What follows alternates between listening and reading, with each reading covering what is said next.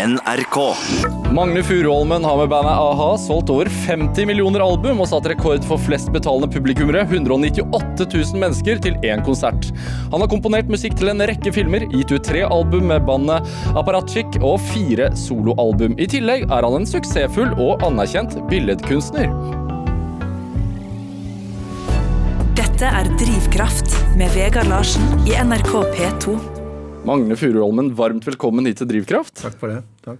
Veldig imponerende CV.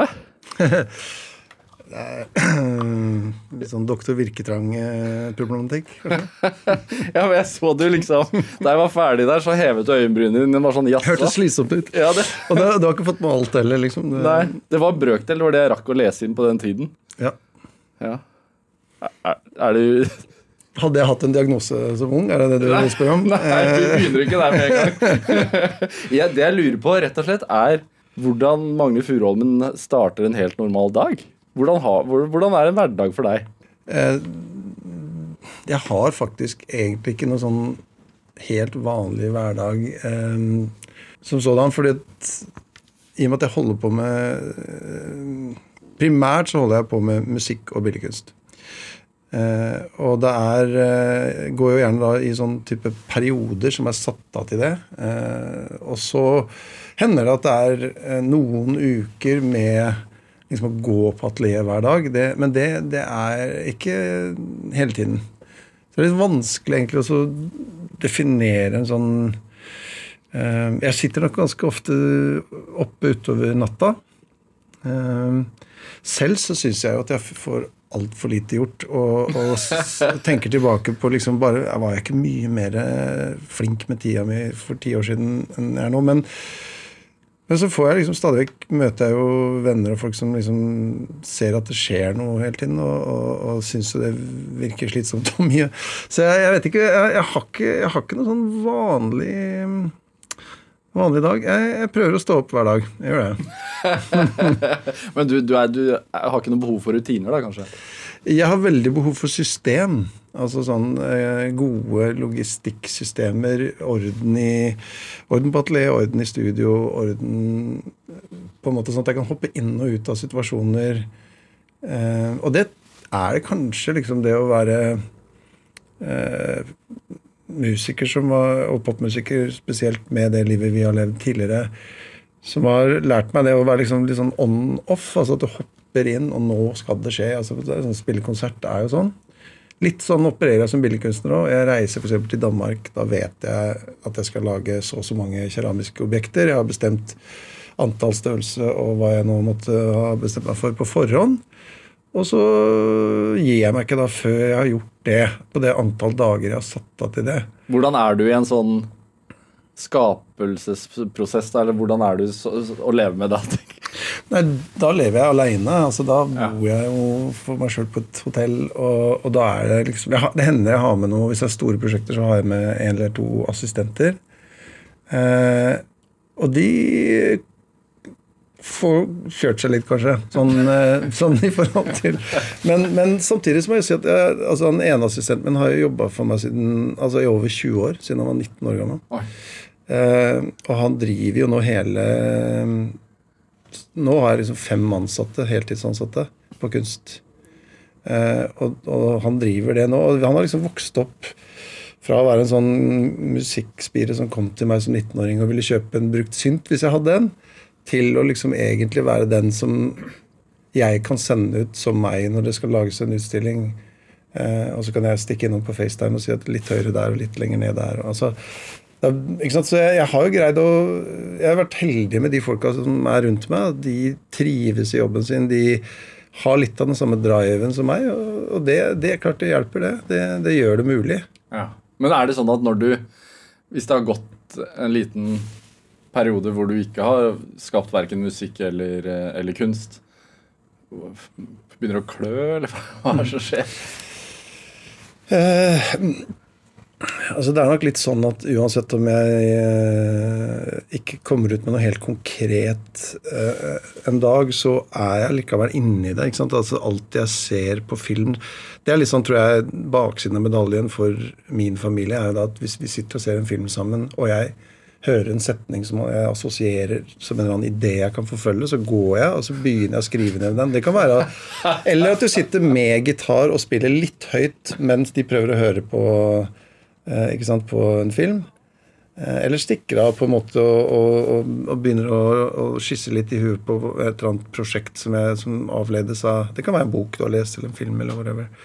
Så, så det er nok litt sånn i det hele tiden. Når skjedde dette sist, da? Eh, i, i, natt. er det sant? Ja. ja altså, men jeg, det er jo ikke sant, det er jo utrolig sånn privilegium å kunne jobbe med det du har drevet med hele livet. Jeg har drevet med jeg har lagd lyd, altså lagd musikk, og, og, jeg har lagd uh, bilder, og jeg har skrevet ord. Uh, I diktform, i tekstform. Det er det jeg har drevet med siden jeg var så lenge jeg kan huske, siden jeg var 10-12 år gammel. Men hva skjedde i natt? Nei, altså bare litt uh, lyrikk og litt strukturering av utstillingsideer og litt korrekturlesing på eh, en bok med noen tekster om eh, Og litt spilling, og litt, faktisk litt sånn lytting på yngstemanns studioinnspillinger som er nye. Og, så det er jo liksom Du er i den men er ikke, Du er ikke alltid i en flow, men du er i hvert fall i nærheten av produksjonsmidlene. De trenger jo ikke egentlig Jeg trenger ikke å være på atelier for å jobbe med kunst, si sånn, men, jeg, men, det hjelper. Jeg får gjort mer der. Ja. Hvor er atelieret? I Asker. Ja, Så det er tett inntil der du bor. Eh, du, du, er jo aktuell nå med, med albumet White eh, Christmas Lies. Mm. Um, og, og, og, samtidig så er du jo på en måte midt i en sånn pågående verdensturné med a-ha. Um, og, og, jeg vil Jeg gleder meg til å prate om White uh, Christmas Lies, men, men, først litt a-ha. Og, jeg vet liksom ikke hvorfor, men, men jeg tenker liksom at det er litt sånn skummelt å prate med deg om a-ha. Eh, jeg tenker også at det er skummelt å prate om a-ha. men kanskje ikke sånn i utgangspunktet at jeg tenker det er spesielt skummelt med deg. Nei, men jeg tenker sånn, Dette har han gjort i 37 år. Han er sikkert drittlei. Og så skal jeg liksom mase om dette bandet igjen. Altså, Er det litt sånn? Nei, jeg, jeg tenker vel nå at uh, Det er annerledes å prate om a-ha i dag enn det var for 10 år siden, eller for 20 år siden eller for 30 år siden.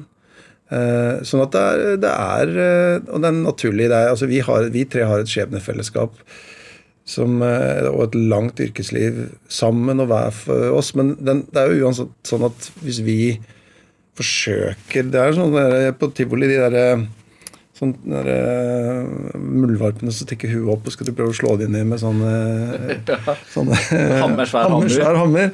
At det dukker alltid opp igjen. Og aha, litt sånn, ikke sant, At vi kan løpe så fort vi vil i andre retninger, men det henter oss alltid litt tilbake. da, Og det er uh, Derfor så er det også litt sånn naturlig. Og så er det ikke, det er ikke sånn at uh, alt vi gjør i dag, blir omtalt eller snakka om. Veldig ofte så tror jeg vi føler at hm, vi har solgt en halv million billetter på denne turneen. Hvorfor snakker man øh, med disse andre artistene da som har solgt 3000 billetter i, i ett sted i utlandet? Er, har de glemt? Er vi blitt så kjedelige? Er vi blitt for gamle? Så er, jeg, jeg, føler ikke at, at, at, det er noe skummelt for deg å prate med uh, uh, meg om å ha. Det, det, skal du ikke kjenne på. Ok, tusen, tusen takk. Men det er sånn Altså, jeg, jeg, tenker jo når dere uh, Det at dere har solgt såpass mange billetter, er jo uh, ekstremt imponerende. Og jeg tenker sånn, når, når, dere har spilt sammen såpass mange ganger som dere har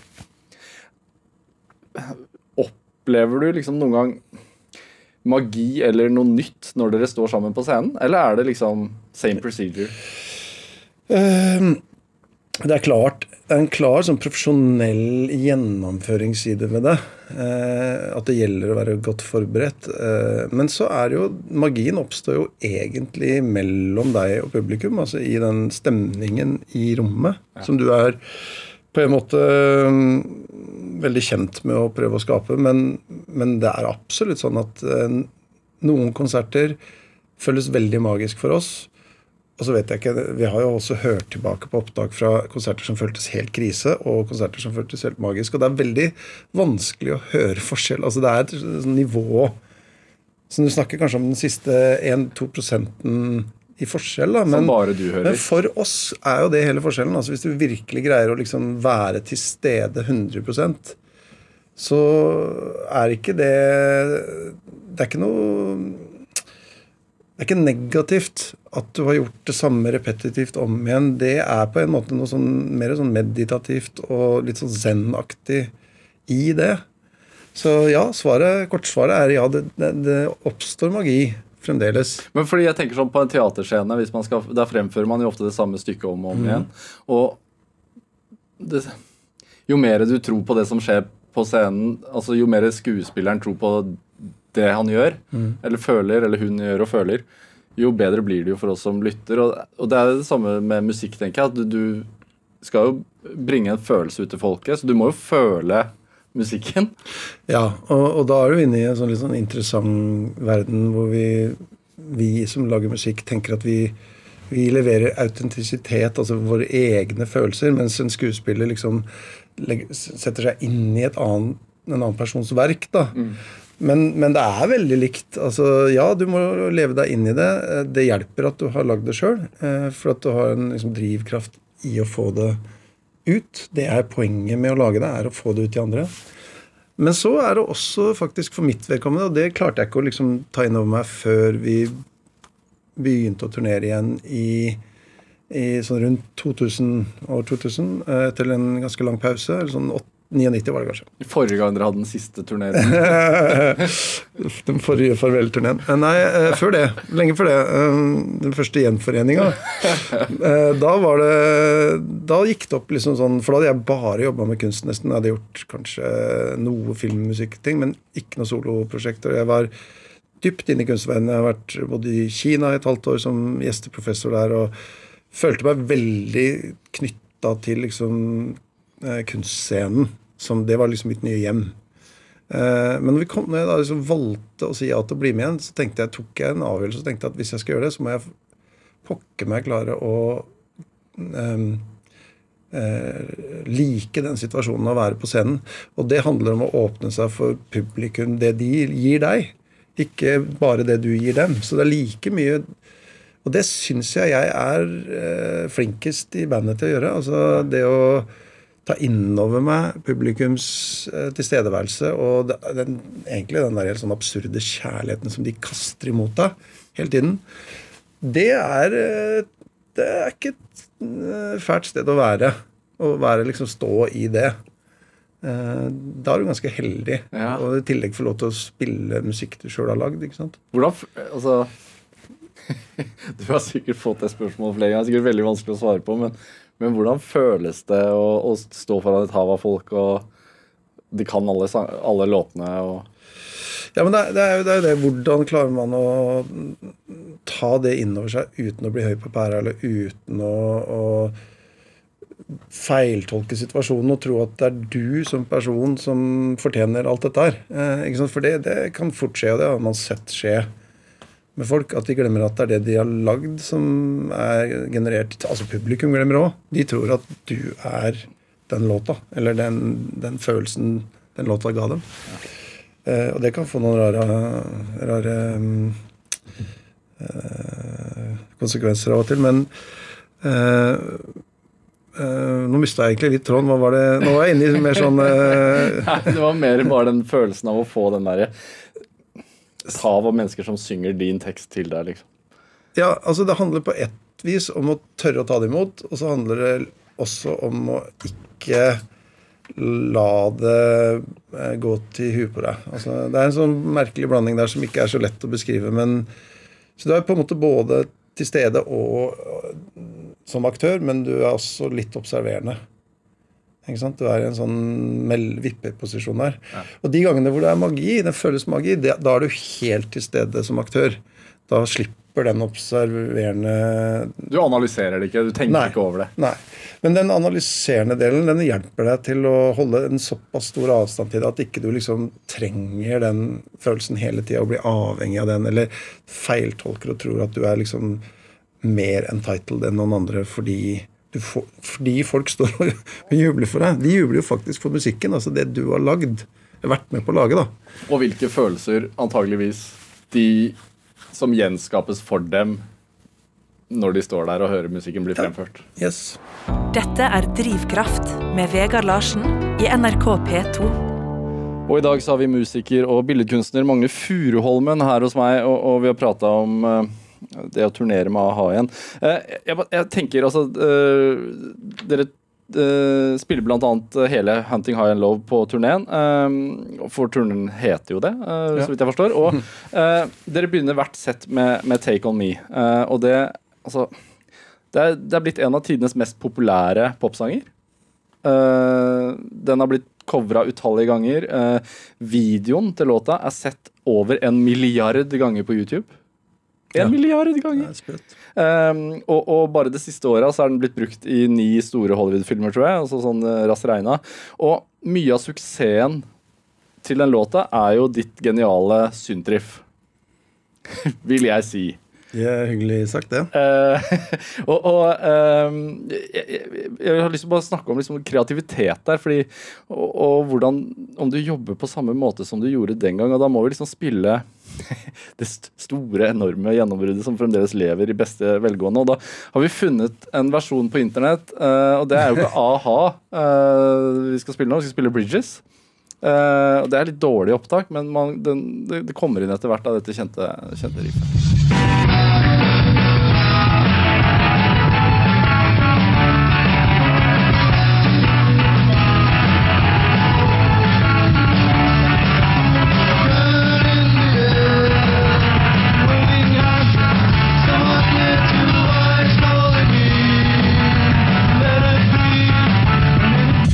Hørte eh, Bridges med The Juicy Fruit Song, eller i hvert fall Jeg er ikke enig i at det er dårlig opptak.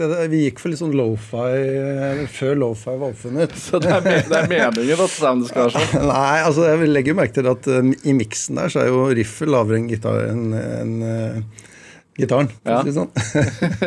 Er, det lenge siden du har hørt dette? her? ja, det kan jeg Ja, det må være. Altså Jeg tror nesten ikke jeg har hørt det siden den gang. Er det sant? Ja. Jeg, jeg har sikkert det, men, eh, men, eh, men det er lenge siden. Men, men altså eh, Du hadde jo kommet på dette riffet en del før denne innspillingen. Denne innspillingen var fra 81, tror jeg. ja. Eh, du, husker du hvordan du kom på det? Ja. Eh, eh, Pål og jeg var jo sånn som fulgte hverandre gjennom forskjellige band. Ja. Eh, altså, eller vi var egentlig bandet, og så kom det flere til. Og så plutselig så var Bridges en realitet.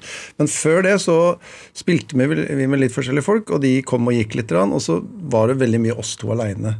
Og da var det jo liksom det å skrive og vise hverandre nye ting, og? Og, og, og ting skjedde også når vi var i et rom. Vi, vi var et, på et loft på Tøyen som bestefaren min eide en liten leilighet, og som vi fikk lov til å spille. og Naboene klagde og syntes dette var forferdelig. Og så leide vi eh, et bomberom på eh, Manglerud i en barnehage. Og det var der eh, det riffet liksom så sitt liksom ble født, da. Ja. Eh, og det var sånn typisk sånn ikke sant, at vi sto og, og, og spilte litt. Og, og Paul hadde liksom begynnelsen på det, mm, på det verset. Eh, det var selvfølgelig en relativt annerledes melodi, det var en litt annen rytme, det var en annen tekstutgangspunkt. og så fikk jeg liksom Her hører jeg et riff, og jeg husker jeg liksom bare forfulgte og stoppa alt og sa hør på det her, hør på det her. Og så syntes han det var litt for mm, kommers. Så det ble på en måte liggende litt. Men den, så har det vært tatt opp igjen da, og, og vist seg å være liksom det ene, den ene tingen som ikke har blitt endra på. Eh, gjennom de 40-50 forskjellige versjonene. Eller ja, det er 4-5, da, men, Ja. men, men vi har eh, I siste omgang med a-ha så var det jo Morten Harket som liksom sa at det her er jo liksom flaggbæreren vår.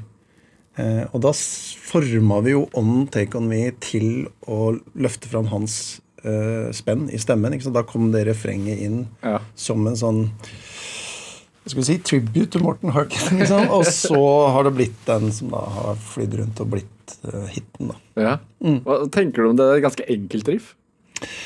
Ja, øh, ja du syns det? Nei, enkelt ja, å spille? Jo, nei, jo, men det er, jo, men det er jo altså sånn det, det, det, altså, Det er- når, det- har fått den standingen det har, og, og mm, Jeg tror det er noe av det som øhm, Nå skal ikke jeg big up det riffet, for det, det har en grunn klart seg jævlig bra på egen hånd. Ja. Men, men jeg tror at det, det er et moll-riff. Altså det er et, et, et lengselsfullt, trist riff i en veldig uh, høytempo, upbeat låt. Altså hele låta er, bortsett fra refrenget, så er hele låta egentlig en eneste stor reise i um, i uh, ungdomslengsel på speed, liksom. Eh, altså det er, det, Jeg tror det er noe med det. At ikke det er et sånt klassisk sånn der happy go lucky det, det er en atmosfære eh, i den låta som også er i det riffet, som, som går litt utafor eh, jeg blir jo selvfølgelig litt påvirka av alle sånne musikologer og folk som har prøvd å analysere. Det var jo veldig intuitivt når jeg lagde det. Ja. Altså,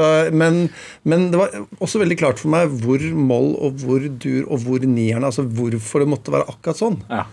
Og det har jo på en måte fortsatt, da. Bortsett fra når jeg av og til bommer, sånn som jeg gjorde når vi skulle spille med, med Kygo på, på Hvor var det igjen? På um, Fredskonserten. Så hadde vi ikke prøvd med konfetti på, på prøvene, og så dumpa de tolv kilo konfetti i huet på oss. Så jeg så, var, jeg så jo ikke keyboardet. Ikke? Det lå jo gullkonfetti overalt. Og det fins på radio. Der prøver jeg å ro meg inn for jeg er langt ute på viddene. Det er vel en av de få gangene hvor jeg liksom eh, Det hender jeg river litt i det og improviserer litt, bare for å vise folk at det, at det fremdeles er live. Ja, ja det, det jeg mente med å si at det var enkelt, er det også at det det høres så lett ut, og så er det jo Det er kanskje det som gjør det også genialt. da. Altså Det, det bare sitter der. Og det, det, er litt sånn, jeg tenker at når du som 15-16-åring kommer på dette her, og du sier det, det kom til deg bare plutselig, og så, og så blir det til det det har blitt. da. Mm.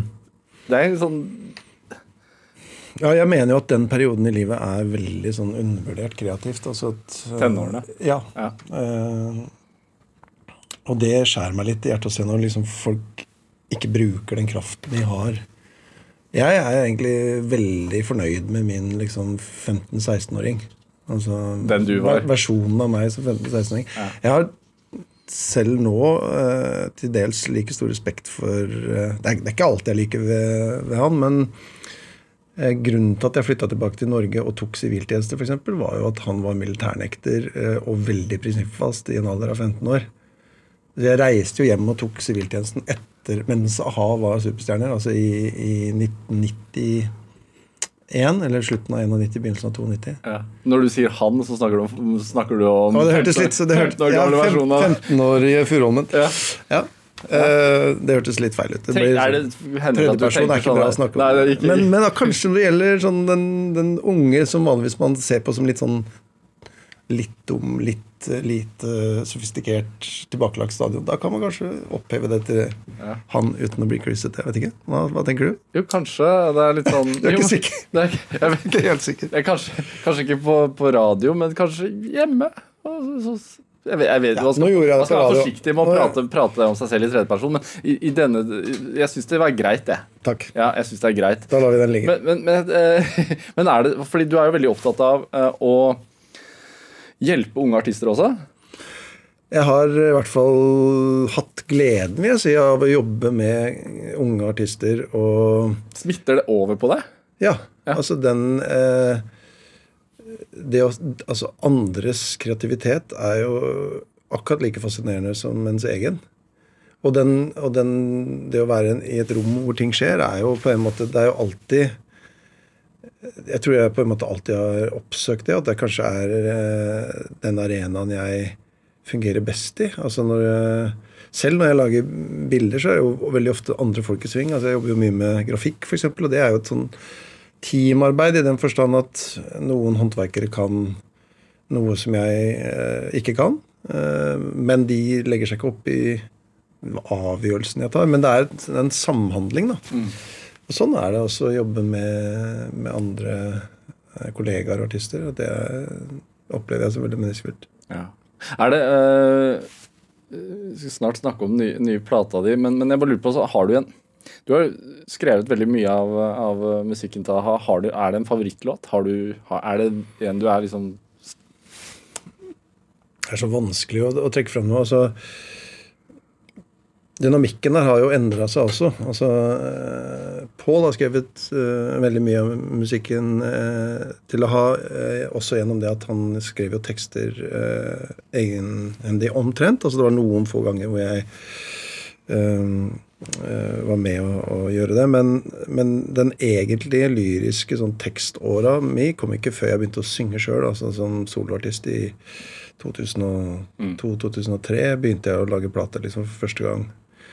Um, så um, Jeg tenker på melodiene også. Ja. ja, ja da. Ja, og, og, og, og, motiver. Men um, hva var det du spurte om, egentlig? Ja, om du har en favorittlåt blant katalogen? nei, nei, det har jeg ikke. Du har favoritter som var de du trodde skulle få mer kjærlighet og omsorg enn de har fått. Og så har du noen du lever greit med, som har fått for mye kjærlighet.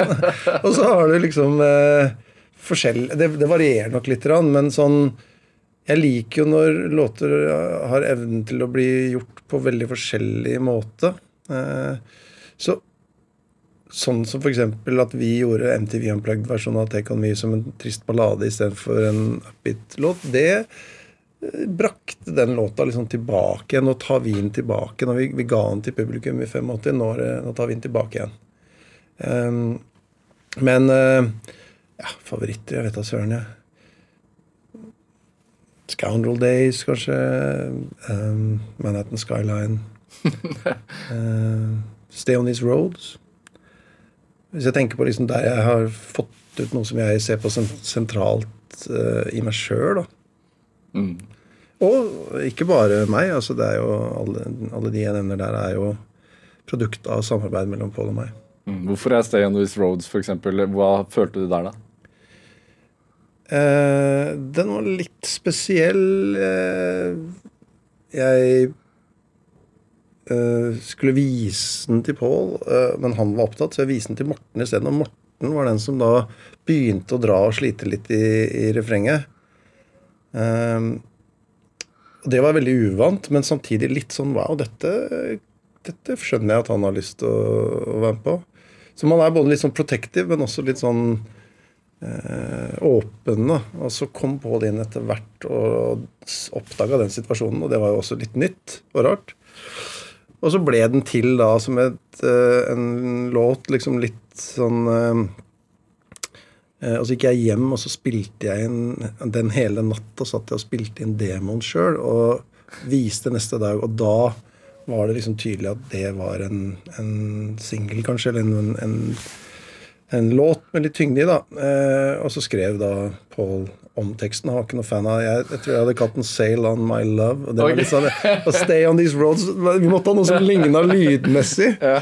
Men uh, uh, det er farlig å begynne å synge dårlig tekst, du, for det sitter igjen. Du klarer ikke å slippe vokalen og ja, den, Jeg liker ikke den nye vokalen der. er Liksom, Ja, det er sånn det så, men, men det var magisk på den måten at uh, når vi da gikk i studio, så var den demoen som vi hadde spilt inn, var på en måte med på plata. Det, og det tror jeg var første gangen det skjedde med, med oss. Og du jobba om natta. Du liker å jobbe om natta, skjønner jeg. Jeg liker jo både om dagen og natta. Du, Døgnet har jo tross alt 48 timer. Dette, dette var ikke planlagt, men nå har produsenten min vært flink og funnet fram Stay on these roads. Så jeg syns vi skal spille en liten snutt av den ja, før vi går videre.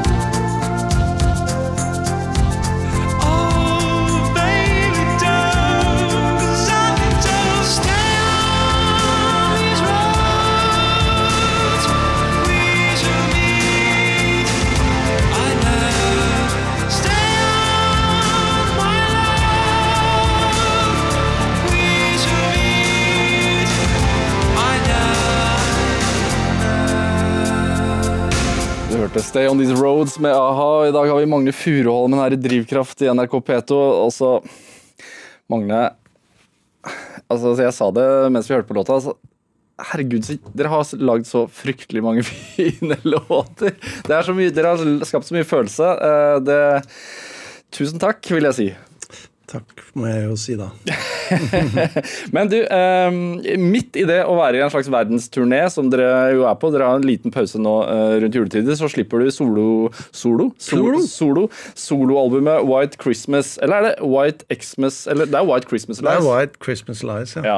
Eh, Hvite juleløgner på Hvit, norsk. ja, ikke sant? Hvite juleløgner. Og det er, det er en nokså mørk, eh, melankolsk juleplate. Eh, Ja, det er jo en, sånn, det er en soloplate som jeg liksom tvinger inn under juletreet. ja, litt. Eh, men når det er sagt, så, så var det på en måte det, Jeg liker jo å lage sånne dogmer. Eh, for at da holder man seg liksom et, Jeg gjør det som bilkunstner, og jeg gjør det som musiker. At det, det også da ha den tittelen, 'White Christmas Lies', og så tenke at jeg skal skrive en juleplate som tør å ta i alt det derre som man stikker litt under teppet i jula. Hva er det, da? Nei, det kan jo være Alle familier har vel litt sånn der eh, Vet hvilke områder man går inn i og ikke går inn i når man er på familiesammenkomster. Alle skuler litt bort på hverandre i forhold til hva skjer nå i år. Det er alltid en eller annen som er liksom den, den kan si noe skummelt eller gærent og sette i gang litt sånn bad vibes, eller at det er noe tap, savn, ting som har skjedd av triste saker. Altså folk, Det er mange som sliter i jula. Altså når ju, alle sånne høytider hvor, hvor liksom kosen er i høysetet, så, så er det selvfølgelig ensomheten ekstra tung å bære. Eh, så jeg tenkte at um, mitt hat for sånn flat og kjedelig kitschy julemusikk, det skulle få utløp i form av en alternativ juleplate. Ja, For det er jo blitt uh, en trend at artister gir ut juleplater. Man kan, Ja, over en lav sko. og man kan leve på det lenge. Det er noen artister som nesten bare spiller julekonserter. Nettopp. Er det, er det altså Spørsmålet mitt nå er det dette her. Er det liksom en ny karriere? Er det, det er, vi ser ikke noe til deg før liksom ut i november. Da er det i kirken og ser på Magne Furuholmen, eller hva? Eh, Du skal vel eh, Nå har jeg det skal aldri si aldri i den forstand at jeg, har- jeg har jo allerede akkurat nå i begynnelsen av desember rett fra turné øvd inn og spilt inn i Jakobskirken. i Ja, det, Eh, Men det var jo da et prosjekt i samarbeid med Frelsesarmeen, så det var de som supplerte publikum. Og det som var tanken bak det, var at min julegave til meg sjøl i år var å få lov til å spille for folk som trengte en oppmuntring, og, og ikke de som på en måte nødvendigvis eh, eh, hadde et sterkt forhold til min historie eller min musikk. Da. Og det, det var veldig fint, så det er noe som jeg kan godt tenke meg å gjøre igjen. Ikke, det kan være at det er andre trengende som eh, Men det var, sant, det var, det var litt annerledes. altså, fordi låta di 'There Goes Another Year' er jo årets eh, julelåt for Frelsesarmeen. Ja. Og så det, Men hvorfor er det viktig for deg? Og, Eh, Bare fordi For noen år siden så fikk jeg jula litt sånn i, i halsen. Uh, liksom fikk ribbefett litt, litt i halsen. Um, og og snakka litt med familien om, om det, og, og vi tok en litt annen vri enn å løpe rundt og kjøpe julepresanger til hverandre. Uh, ting man ikke trenger og ikke har lyst på egentlig engang, og ikke liker. hva var du, hva var det som gjorde at du altså, Hva var det du følte inni deg som tenkte at nei, nei, nok er nok? Det, det husker jeg ikke som en sånn enkelthendelse. Men jeg husker jeg, jeg husker jeg var i New York og blei litt sånn kvalm av de der eh, vindus... eh, altså de der eh, store handlegatevinduene med det var, det var et juletre som jeg husker med, med liksom Istedenfor julekuler så var det Rolex-klokker. tenkte jeg liksom Oi, oi, oi, vi er bare så screwed. Ja. Eh, og så var jo selvfølgelig da folk som sov ute på gata i fem minus rett ved siden av. ikke sant? Så kontrasten var så stor. Og så er man jo klar over at vi sitter jo på toppen av næringskjeden her oppe og er kjempeprivilegerte. Og så er det liksom hva skal jula handle om? Skal det handle om en liksom versjon 2,7 av en eller annen du hadde 2,6 av fra før? Eller skal det handle om å faktisk tenke på det året som var, hvor framtiden går, hvilke problemstillinger bør man ta inn over seg, hva kan man legge om, hva, hvilket ansvar har man? Og, altså, det var egentlig bare sånn Jeg husker jula på 70-tallet. ikke sant? Altså, det var en ganske mer nedpå affære.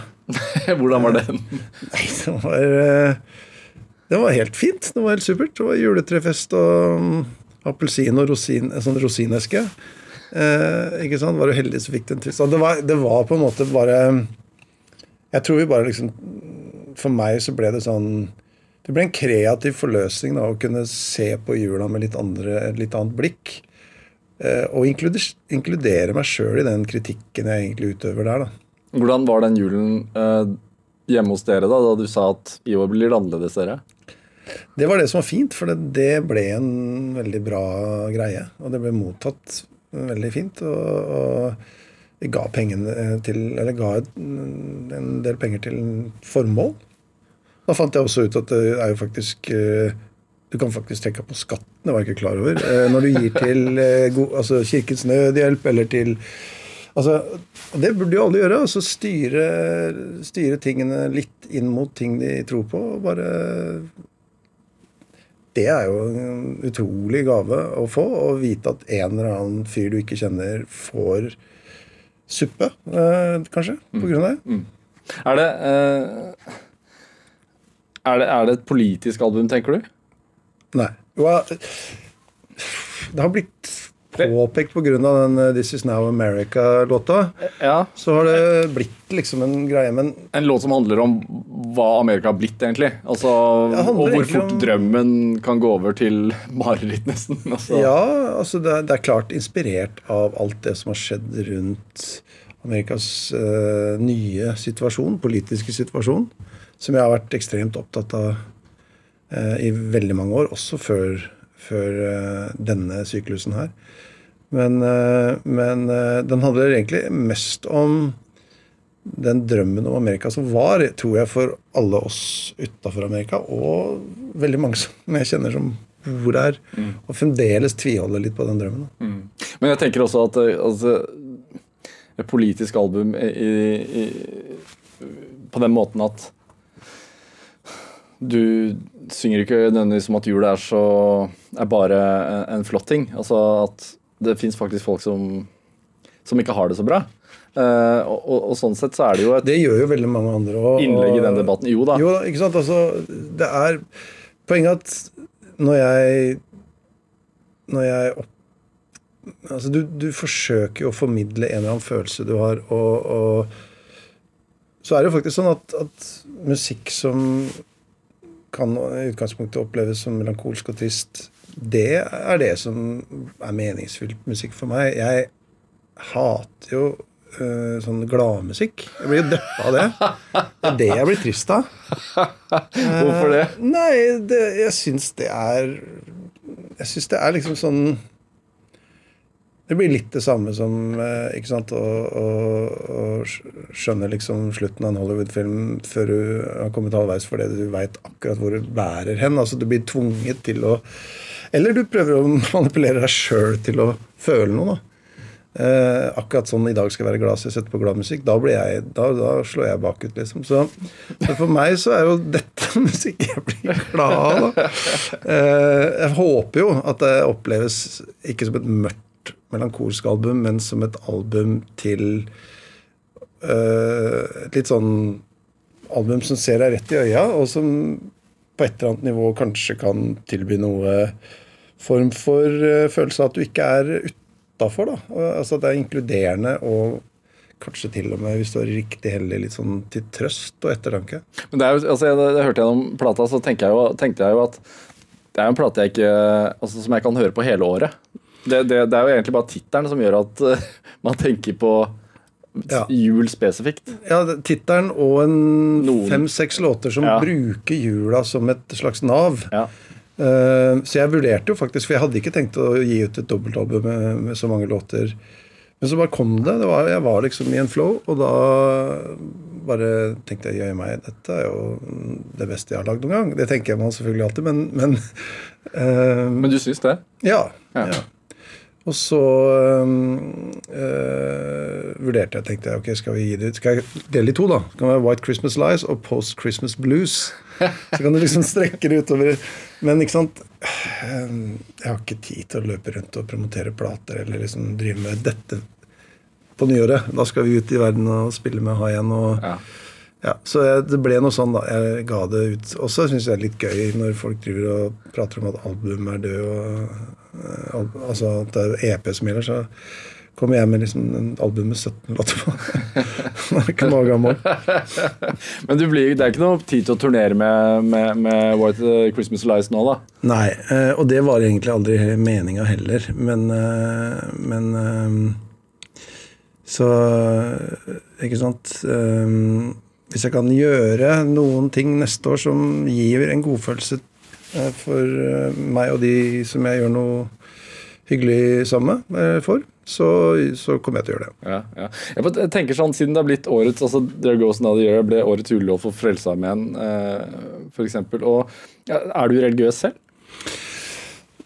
Nei, ikke utprega. Jeg har vokst opp i et sekulært hjem, sånn typisk sånn innenfor statskirke, men veldig lite kirketilhørighet.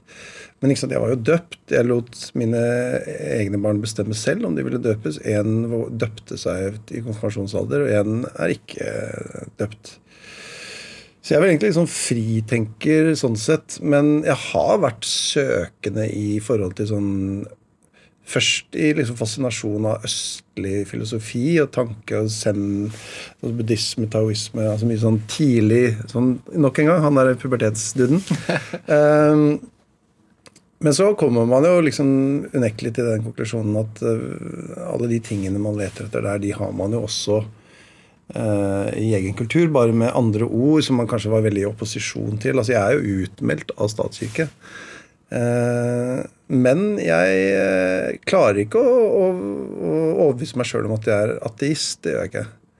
Eh, så jeg er vel en sånn eh, Jeg er jo veldig opptatt av at man skal tro på det man driver med, så tro er en viktig ting, men, men det er ikke, jeg har grunnleggende skepsis, skepsis til eh, organisert religion. Jeg er nok litt sånn der Groucho Marx-type. sånn I would never be a member of clubs that would have people like me as, uh, as a member.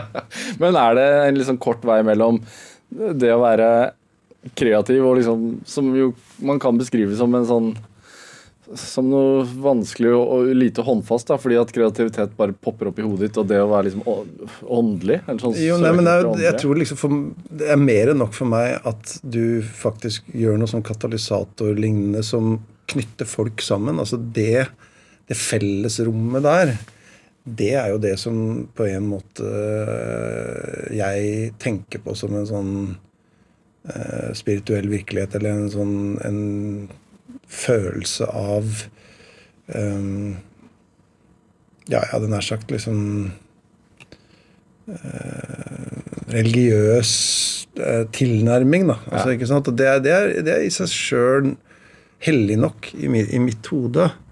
Uh, ikke, ikke musikken, men, men den, den, den felles Felles arven, felles opplevelsen. Så, og så har jeg blitt eldre, så jeg er nok mer jeg er interessert i historien. altså Religionshistorie er jo kjempeinteressant. altså Det er jo kulturhistorie på alle nivåer. og eh, jeg bruker mye ikke sant? Jeg bruker veldig mye latin som utgangspunkt. altså Språk og latin særlig. da, Jeg går veldig mye tilbake igjen. og sant, i, i, i greske myter, i Bibel altså Det er utrolig rikt materiale å hente eh, metaforer og bilder fra. Så, så interessen og nysgjerrigheten og, og liksom søkeviljen er der. Altså Når jeg tenker, snakker om å søke, så er ikke liksom Google jeg først og fremst eh, tenker på. Hva er det da, da? Bøker? Bøker, bøker er eh, hovedinspirasjonskilden i mitt liv, ja. Ja. Du, Vi må spille litt fra, fra plata di, eh, 'White Christmas Lies'. Um, du har valgt låten selv, 'The Light We Lost'. Uh, Syns du at det var på sin plass å spille? Hva, hva, hva er det for en låt? Den handler vel om å komme liksom eh, På en eller annen måte avfinne seg med at ting eh, ikke alltid ender opp eh, på en måte som du hadde håpa og trodd. Eh, det kan være altså det, er, en- det, er en, det er jo en låt om relasjon som på en måte har falt sammen, men en, en slags forsonelse, da. En, en, en ja, en sang om forsonelse, rett og slett. La oss høre. I wouldn't try to change it. It would only cause more I wouldn't try to rearrange it. There isn't much to gain. And if you hope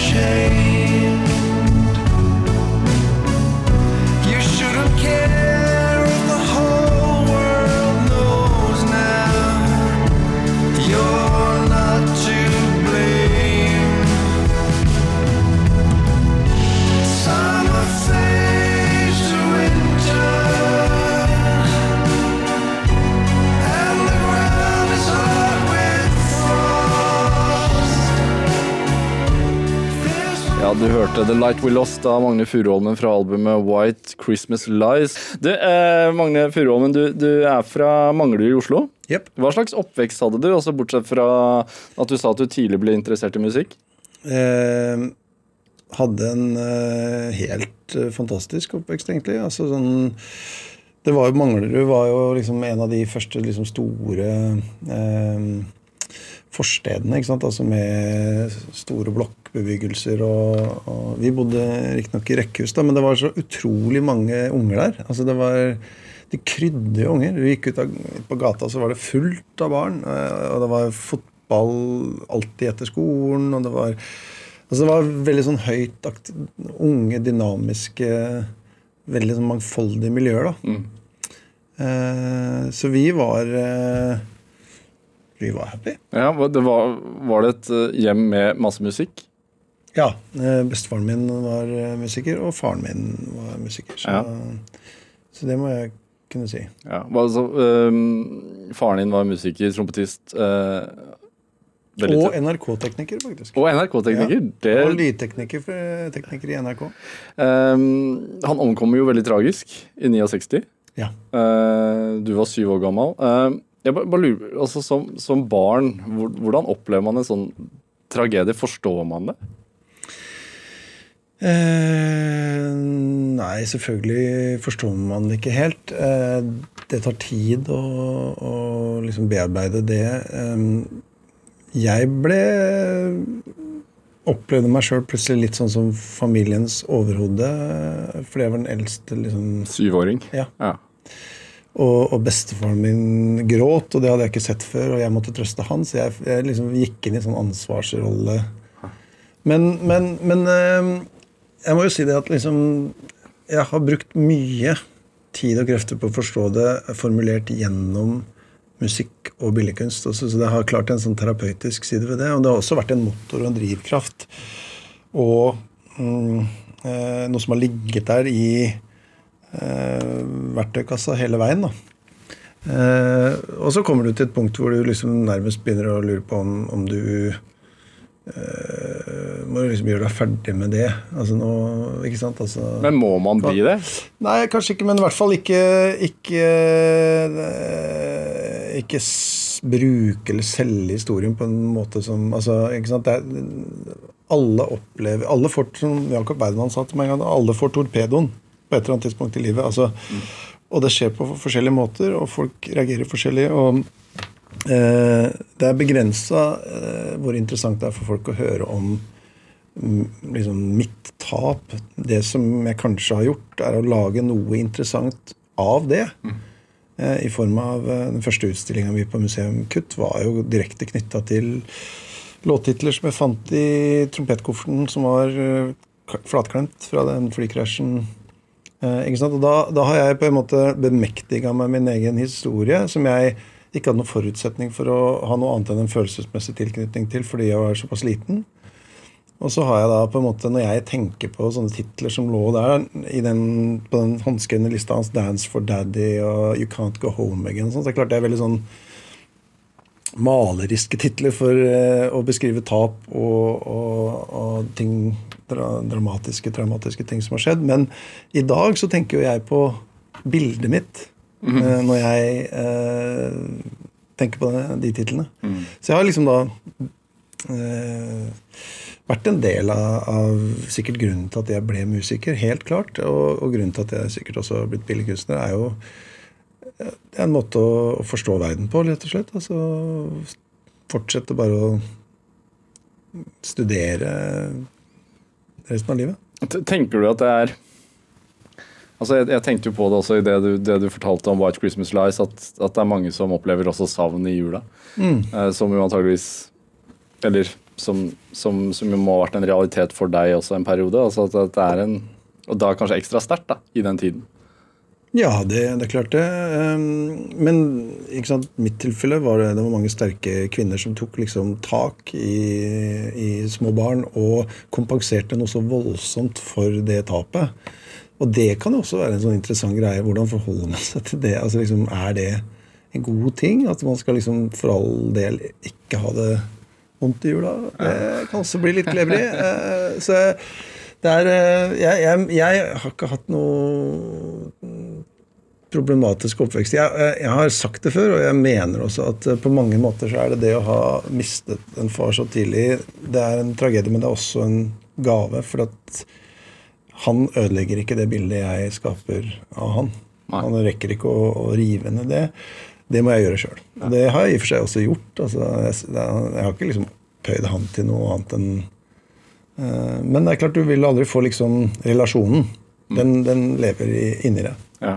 Jeg, jeg tenker også sånn Billedkunsten din uh, det, Den har jo eh, noe dystert over seg, vil jeg påstå. Jaha, ja, ja, ja, jo, jeg er enig, men, Men- veldig mange tenker på det som fa ganske fargesterkt og Det- fargerikt, energisk. Og, Jo, i nyere tid så jo, Det blir jo mer og mer fargesterkt. Men jeg tenker det er liksom Ja, men kanskje ikke bare i fargebruket, men det er noe sånn Det er noe sånn de, dekonstruksjon, altså det er destruktivt, samtidig som det er liksom noe poetisk og lengtende i bildene dine. Syns i hvert fall jeg. Det er min, du du burde er min bli kunst, eh, kunstkritiker. Studert kunst, Ja. kunst Ja. eh, på, på Universitetet i Oslo, men eh, nok om det. Men, men altså hva, og, og, hva, Hvordan reflekterer billedkunsten din ditt liksom sjelsliv? Eh, det er ehm, Det er nok sånn at, at jeg får ut litt forskjellige ting eh, om jeg jobber med musikk og billedkunst. Men jeg forsøker jo å finne det som interessante møtepunkter imellom. Apparatchik-prosjektet nevnte du helt innledningsvis. innledningsvis. Og det, det er sånn som verken er et sånn høy eller sånn, sånn populær eh, popkulturfenomen eh, rendyrka, eller et sånn finkulturfenomen. Den lever egentlig sånn midt imellom og er lykkelig i fallet mellom alle stoler. Um, så det er nok sånn Jeg, jeg, um, jeg tenker vel at det er liksom uh, at, at det er mange Furuholmen. Uh, og, uh, og at, at de Jeg har vært heldig som har fått muligheten, eller i hvert fall tatt de mulighetene som har kommet til å, å, å leve det ut på litt forskjellige arenaer. Og Så jeg reflekterer nok. Jeg, jeg, jeg, det er ikke noe sånn at jeg sitter med en sånn følelse av å være veldig misforstått. Eh, selve arbeidet har egentlig aldri skuffa meg. Det er gjerne folk og hvordan de beskriver eh, eh, deg, som på en måte er det du slåss litt mot. da. Som kunstner? Ja, som musiker, som kunstner, som Ja. kollega, som venn. altså sånn, det, Alle lever jo med det. altså At vi har litt, forskjell, litt forskjellig virkelighetsoppfatning av Var det sånn det var, altså? På 80-tallet og 70-tallet. Var det virkelig sånn? Jeg husker litt annerledes. Ja. Eh, Magne Furuholmen, en, en time går dessverre altfor fort. Jeg skulle gjerne hatt en til. Eh, men, men som alltid så må jeg spørre deg, altså sånn Drivkraften din, hva, hva er den? kan nok kanskje være en slags sånn redsel for eh, total stillhet. Altså, da mener jeg ikke liksom For stillheten er i seg sjøl en viktig kreativ Jeg må ikke ha lyd rundt meg til enhver tid. Jeg må ikke ha eh, støy rundt meg til enhver tid. Men, men at det er en eller annen form for rastløshet, som er født av kunnskapen om at dette tar slutt, og at jeg føler mest intenst og, og lever mest intenst i de øyeblikkene som gløder, og jeg opplever de når jeg er i kreativ eh, situasjon, altså om det er å være å se noe nytt bli til den dagen i form av eh, et maleri eller en skulptur eller en, eh, et grafisk blad, eller om det er å være i studio og spille inn musikk, eller om det er å være på konsert og prøve seg fram med noe litt annerledes. Altså, det er, det er Stein Meren, tror jeg, som sa det, at liksom, det handler om å få øyeblikk til å gløde. Og det satt eh, i meg. Altså, det, det, det kjenner jeg igjen. Og Det har du jo, vil jeg si, på vegne av veldig mange fått til. da. Opptil flere ganger. Fått øyeblikk til å, å gløde for veldig mange av oss. Å dele det å dele det med andre, det er helt nødvendig. Min kone sier at du lever bare når du deler. Så kanskje er det en ting som jeg, som jeg burde ta med. Ja. Magne Furuholmen, tusen takk for at du kom hit. Takk for at jeg fikk være. Dette var Drivkraft. Produsent i dag var Amund Grepperud. Jeg heter Vega Larsen.